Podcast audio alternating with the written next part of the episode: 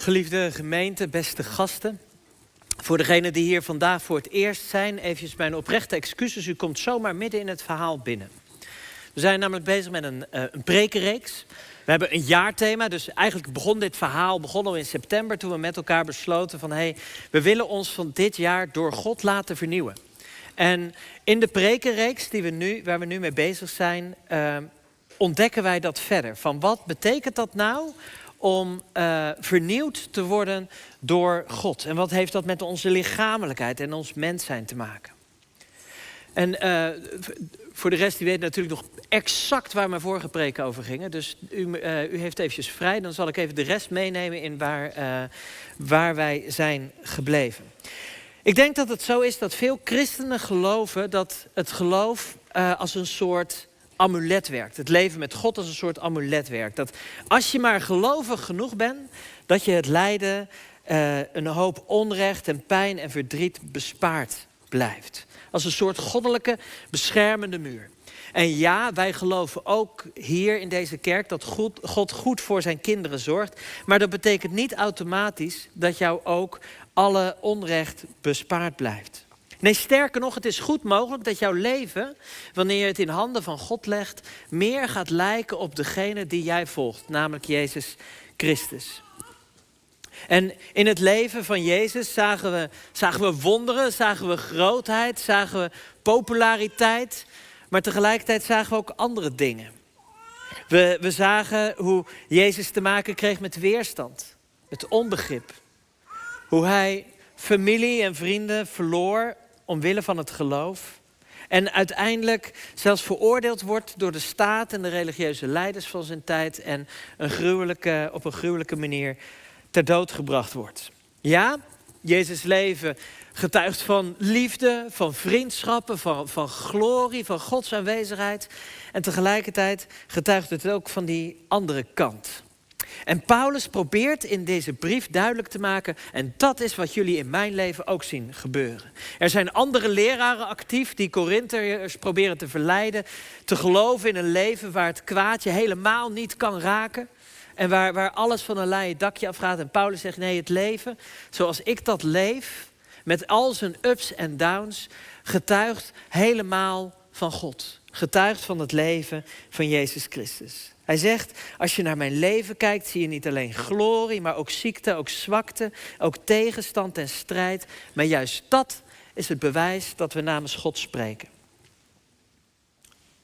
En boven mijn preek stond als werktitel Eén zijn met Christus. En wat is dat nou? Dat is aan de ene kant zijn voorbeeld volgen. Maar zoals we vorige week ook zagen, is er ook sprake van iets van een mystieke eenwording. En dat is eigenlijk dat wonder heeft u net voor uw ogen mogen aanschouwen namelijk de doop. We geloven dat wij in de doop verbonden zijn met Jezus, die zelf ook door het water is gegaan. En dat wanneer wij onze kinderen laten dopen, of als we ons als volwassenen laten dopen, dat we Gods stem ook mogen horen over ons leven. Die zegt: Jij bent mijn geliefde kind. Ik vind vreugde in jou. Ik word blij van jou als ik naar je kijk. En tegelijkertijd is het de belofte dat we niet alleen door het water met hem meegaan, maar ook door de dood heen. En dat betekent enerzijds dat je lijden en weerstand zult ervaren in dit leven, maar anderzijds betekent het ook door de dood heen. Dat de dood slechts een tussenstation is, maar dat jij bestemd bent voor een eeuwig leven bij God. En dat dat als het ware nieuwe kleding is die, die over dit leven aangetrokken zal gaan worden.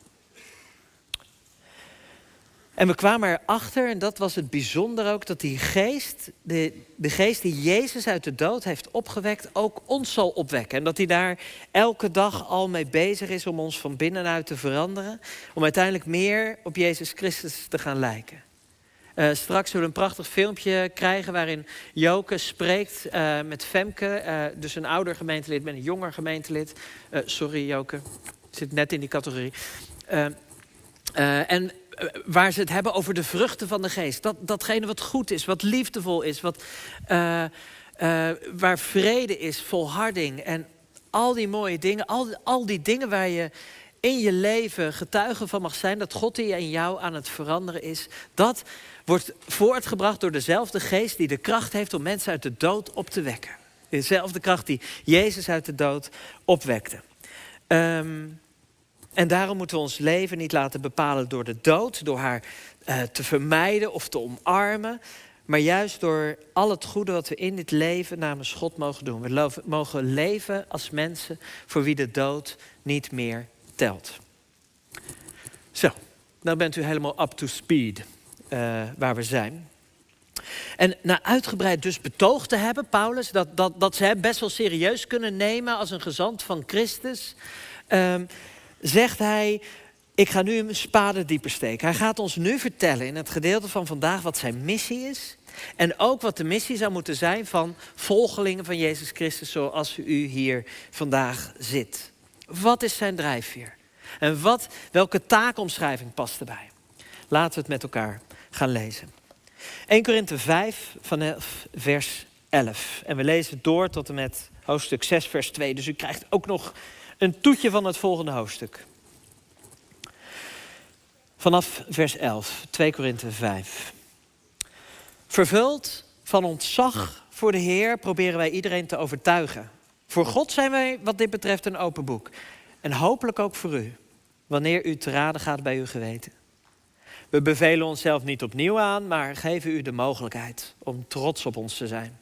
Zodat u zich kunt verdedigen tegen wie zich op uiterlijke zaken laten voorstaan in plaats van op de innerlijke. Zijn we in extase, dan is dat voor God. Zijn we bij zinnen, dan is het voor u. En wat ons drijft, is de liefde van Christus.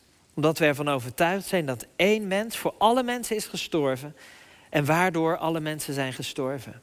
En dat hij voor allen is gestorven, opdat de levenden niet langer voor zichzelf zouden leven, maar voor hem die voor de levenden is gestorven en is opgewekt. En daarom beoordelen we vanaf nu niemand meer volgens de maatstaven van deze wereld, ook Christus niet, die we vroeger wel volgens de maatstaven van deze wereld beoordeelden. Maar daarom is iemand die één is met Christus een nieuwe schepping. Het oude is voorbij en het nieuwe is gekomen. En dit alles is het werk van God. Hij heeft ons door Christus met zich verzoend en ons de taak gegeven dat bekend te maken. Inderdaad, God heeft in Christus de wereld met zich verzoend. Hij heeft de wereld haar overtredingen niet aangerekend. En ons heeft Hij de verkondiging van die verzoening toevertrouwd. Wij zijn gezanten van Christus. God doet door ons zijn oproep. Namens Christus vragen wij u dringend, laat u met God verzoenen. Ter wille van ons heeft God hem die de zonde niet kende één gemaakt met de zonde, zodat wij in hem rechtvaardig voor God konden worden. Als Gods medewerkers sporen wij u dan ook aan.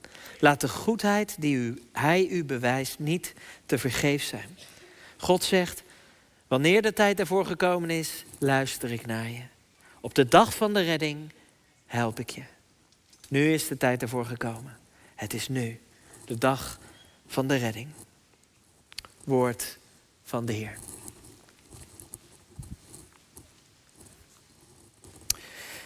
als je nou kijkt naar de vorige keer, toen eindigde ons stuk uh, voor sommigen van ons misschien wel een beetje ongemakkelijk. Iedereen zal voor de rechterstoel van Christus verschijnen. En toen ben ik daar iets minder op ingegaan. Ook omdat deze vraag, dit, dit woord, dat wij voor de rechterstoel van Christus moeten verschijnen, alles te maken heeft met het betoog van Paulus, wat hij nu aan het voortzetten is.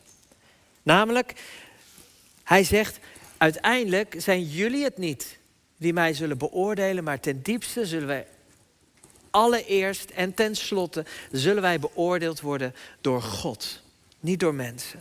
Hoe de zaken er nu ook volgens jullie uitzien, hoe jullie ook nu naar mij kijken, uiteindelijk is het God die mij ziet. En ik sta voor Hem en ik sta vol ontzag voor Hem. Hoe de zaken er nu ook uitzien, als wij samen voor Christus staan, zal de waarde van ons werk bekend worden. En dus, zegt Paulus dan nu, het is niet nodig dat we nog meer lopen op te scheppen over wie wij zijn. Nee, het is genoeg dat God weet wie wij zijn. En dat zou ook voor jullie moeten gelden. En al die heerlijke, bijzondere, glorierijke dingen die jullie misschien zien bij die andere leraren, dat is voor ons, is dat voor God's eyes only. Dat, dat bepaalt onze natuurlijke, intieme omgang met God. En daar is die grootheid zichtbaar en daar voelen wij die glorie. En als wij met jullie spreken, dan zijn we bij zinnen. Dan zijn we redelijk. Dan zijn we menselijk, dan proberen we het uit te leggen op een manier die, die zelfs kinderen kunnen begrijpen. Jullie zien aan ons vooral het normale en het menselijke. Maar is dat niet precies wat Jezus gedaan heeft? Is het niet God die uit van zijn glorierijke troon afkomt, een mens is onder ons? En daarmee zijn menselijke kant aan ons laat zien. Is dat niet het grootste wonder van God? Nou, zo laat hij ook het normale, het menselijke aan jullie zien. Want wij hebben onze blik en onze woorden en onze gedachten op Jezus gericht. We willen van dat leven getuigen. Niet van ons eigen leven. Hoe, hoe ons leven eruit ziet, dat doet er minder toe. Ga kijken naar dat leven van Jezus. En we hopen dat we dat zichtbaar maken in hoe wij met jullie omgaan, hoe we in deze wereld staan, hoe wij met, met lijden en verdrukking en onrecht en ziekte omgaan. Dan hopen we dat jullie in ons zien dat wij Jezus leven proberen uit te leven. Zijn persoonlijkheid, zijn missie. En wat was dat? Wat was die missie van Jezus? Daarover zegt Paulus dit. Um, wij kijken naar Jezus en wat zien we daar? Allereerst verzoening. Verzoening met God. En wat is dat? Verzoening is dat jij, zoals je bent, vandaag tot God mag naderen, zonder schroom, zonder angst, zonder onzekerheid, zonder ook maar een moment te voelen dat je afgewezen zult worden. Jij mag tot God naderen. Dat is verzoening. Timo, de jeugdwerker in deze gemeente, en ik, die hebben het genoeg om in deze weken en maanden op te trekken met uh, Explore 6. Explore was toch maar tot vijf, klopt. Er is een groep uitgestroomd en die noemt zichzelf Explore Next Level. Waar zitten jullie? Explore Next Level, ja, daar bovenin. Jee, heel goed, ja, daar nog eentje. Top, fijn dat jullie er uh, zijn. Um, en wij hebben hun aangeboden van, joh, in de komende tijd willen wij drie avonden voor jullie vrij plannen. Waarin jullie, jullie vragen mogen bedenken en die wij dan jullie helpen beantwoorden. Zodat jullie uh, nou ja, een stapje dichter bij God kunnen komen in jullie geloofsreis. En we hadden natuurlijk allemaal hele slimme theologische thema's bedacht. Uh, wat heel belangrijk is dat ze het ook uh, erover gaan hebben. Hè? Dus, dus dingen als het lijden in de wereld. ik heb nog gezegd, we, we, kunnen het over LHBT hebben. We kunnen het hebben. Nou, een heel scala en echt fantastische onderwerpen. en de jongen zeiden, maar we hebben ook iets anders in gedachten. En een van hen die stond op en die zei van... joh, ik, ik zou het mooi vinden om erachter te komen... wat Gods plan met mijn leven eigenlijk is. En alle jongens zeiden... ja, dat willen we ook. Doe ons daar maar een avond over. En ik was hun dankbaar voor, voor dat ze mij ook wezen... en mij en Timo ook wezen op, op een blinde vlek. Van hé, hey, maar uiteindelijk zijn ze gewoon ook benieuwd naar... wat wil God? En wie ben ik voor God. Want wij omringen onszelf in het leven met spiegels. Allereerst is het de spiegel waarin we onszelf zien. Een spiegel waarvan we zeggen: oh, ik, ben, ik, ben blij met jou, ik zie er lekker uit vandaag. Uh, uh, of ik, ik, ik ben trots op wat ik heb mogen bereiken. En anderzijds is het ook een spiegel die voor velen van ons ook inhoudt dat je je veroordeeld voelt door jezelf. Je denkt, ik, ik schiet nog tekort, ik wil dit nog veranderen, ik wil dat nog veranderen. En zo kijken we in de spiegel naar onszelf. Of zijn we gestopt met dat te doen? Hebben we die spiegel weggedaan omdat we er niet meer mee geconfronteerd willen worden? En de andere mensen zijn ook dat soort spiegels om ons heen. En zij vertellen ons als wij ons omringen met familie en vrienden die van ons houden, dat we geliefd zijn, dat we goed zijn, dat we ertoe doen, dat we waardevol zijn. En anderzijds zijn er ook altijd stemmen die zeggen: het kan wel een tandje meer. Je hebt dit verkeerd gedaan en iedereen weet dat van je. Iedereen ziet dat. We omringen ons met met bemoedigende spiegels, maar ook juist vaak met spiegels die spreken van oordeel. En juist die spiegels van oordeel, daar luisteren we vaak naar.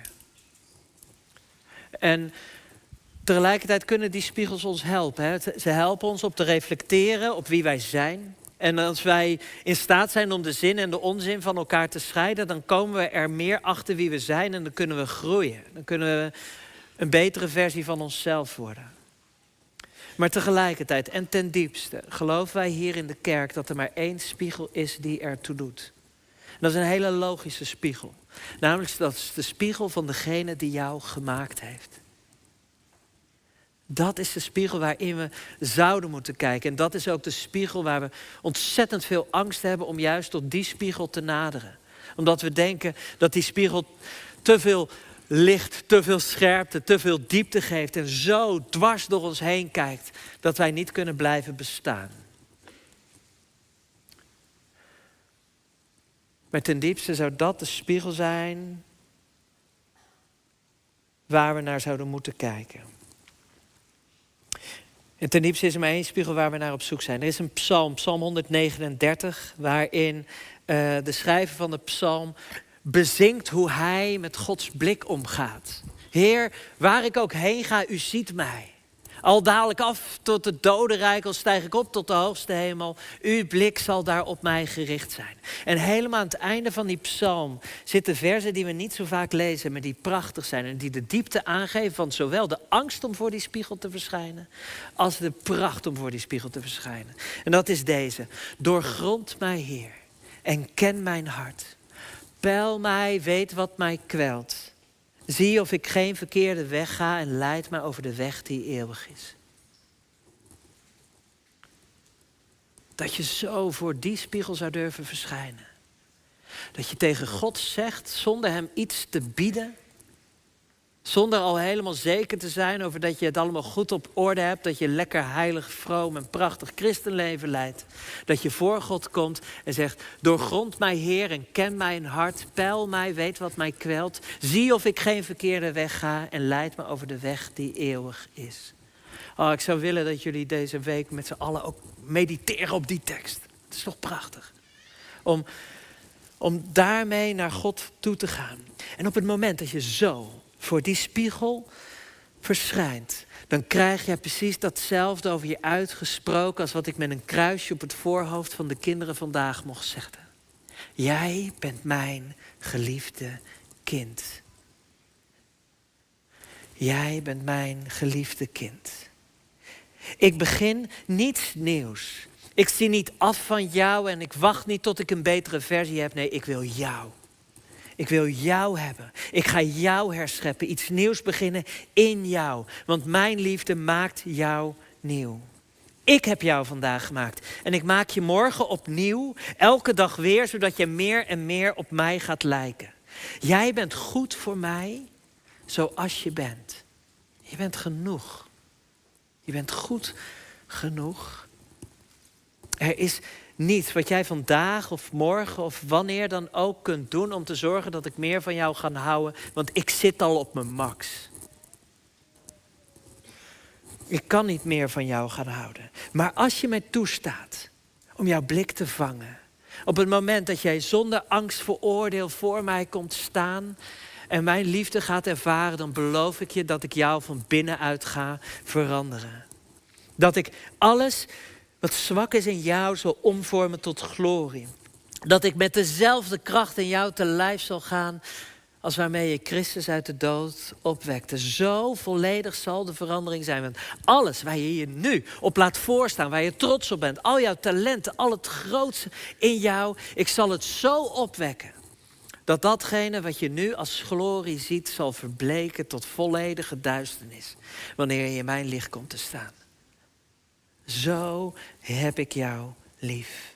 Ik schep jou vandaag. Niet voor een leven dat eindigt bij de dood. Ik schep jou vandaag voor een leven in eeuwigheid. Een leven in mijn huis. Als je mij maar toestaat jou echt te zien, dan zal ik jou laten zien wie ik zie in jou. Dat is verzoening. Dit is verzoening. Dat je vol vreugde voor die spiegel mag verschijnen om daar je vader te ontmoeten. En dat brengt Paulus bij zijn missie. Hij zegt, dit is wat wij zijn gekomen om te verkondigen. De verzoening. Dat heeft hij ons toevertrouwd. Om het hierover te hebben. Wij zijn, en zo staat het er ook in het Grieks, wij zijn ambassadeurs van de verzoening. een ambassadeur, dan ben je ergens heel erg enthousiast over. Ik, ben, ik ben zelf uh, ambassadeur van de organisatie Compassion. Daar ben ik enthousiast over en daar wil ik graag over vertellen omdat ik geloof dat het werk wat zij doen goed is. En zo mogen wij met z'n allen ambassadeurs zijn van de verzoening. Maar dat houdt wel iets in. Dat is hier, die, hè, dus dit, eventjes voor de mensen die echt met die prekenreeks bezig zijn. En bezig zijn met wat is nou die nieuwe mens? Dit is het antwoord. De nieuwe mens is een ambassadeur van de verzoening. Maar dat kun je enkel zijn wanneer jij die spiegel toe hebt gestaan in je leven. Wanneer jij voor hem bent gekomen en gezegd hebt, Heer, hier ben ik. Ik, ik wil niet meer bezig zijn met de oordelen van mezelf. Ik wil niet meer bezig zijn met de oordelen van de ander. Ik wil dat u mij beoordeelt. Dat u mij ziet.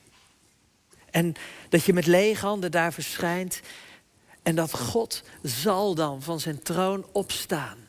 Een blik werpen op Christus. Een blik werpen op jou. En zeggen, ik zie hetzelfde. Jij bent mijn geliefde kind. Jij bent een zoon of dochter van de Allerhoogste. Ik heb je lief. Er is nog nooit een mens geweest die tot God genaderd is. Met zo'n kwetsbaarheid. En die afgewezen is door God. Hij wil jou zien en hij wil zich met jou verzoenen. Maar dan begint het pas echt. Als je met die zekerheid, die interne liefde, een zekerheid, die nieuwe mens die in jou aan het broeien en aan het groeien is, in dit leven staat, dan kun je niet anders dan erover spreken. Dan wil je anderen diezelfde spiegel voorhouden en uitnodigen om, om hun kwetsbaarheid te omarmen. En te zien dat juist daarin, wanneer wij die kwetsbaarheid in onszelf gaan zien en hem voor Gods stroom brengen, dat Hij daar glorie voor terug zal geven. Dat gaat bepalen hoe je zelf een spiegel bent voor anderen.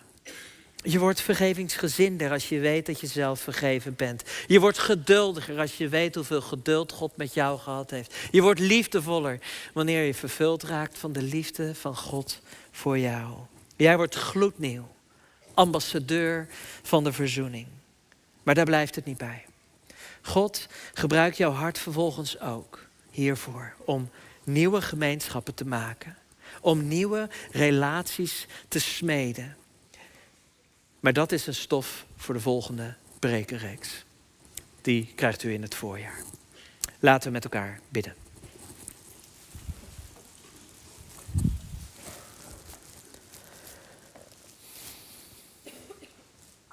Vader, hier zijn we. Heer, we willen ons niet langer verbergen. En we willen u zeggen hoe moe we zijn van al die spiegels in ons leven. Al die veroordeling die ons klein houdt. God, we komen bij u. En we zeggen, doorgrond ons. Weet wat ons kwelt. Leid ons op de weg die eeuwig is. Vader, verander ons van binnenuit. Maak ons tot gloednieuwe mensen. Door uw woord van liefde, dat wij uw kinderen zijn. Heer, help ons om zo ook naar andere mensen te kijken en anderen uit te nodigen. Om uw voorbeeld van liefde te volgen en te ontvangen. En Heer, ik, ik wil ook bij u komen hier met al die gebroken mensen die zeggen: Ik heb te veel oordeel gehad, juist van boven. Er zijn zoveel mensen die mij verteld hebben dat ik anders moest zijn voor God. Vader, ik dank u voor voor hun kwetsbaarheid. Maar ik bid u om genezing, om heling, om een nieuw woord over hun leven. Dat zij geliefd zijn, ertoe doen. Dat u niets aan ze hoeft te veranderen om hen lief te hebben, maar dat u hen van binnenuit nog veel groter en glorierijker wil maken dan dat ze ooit durven te hopen. Heer, we zijn van u. We leven voor u, we sterven voor u. U behoren we toe. Amen.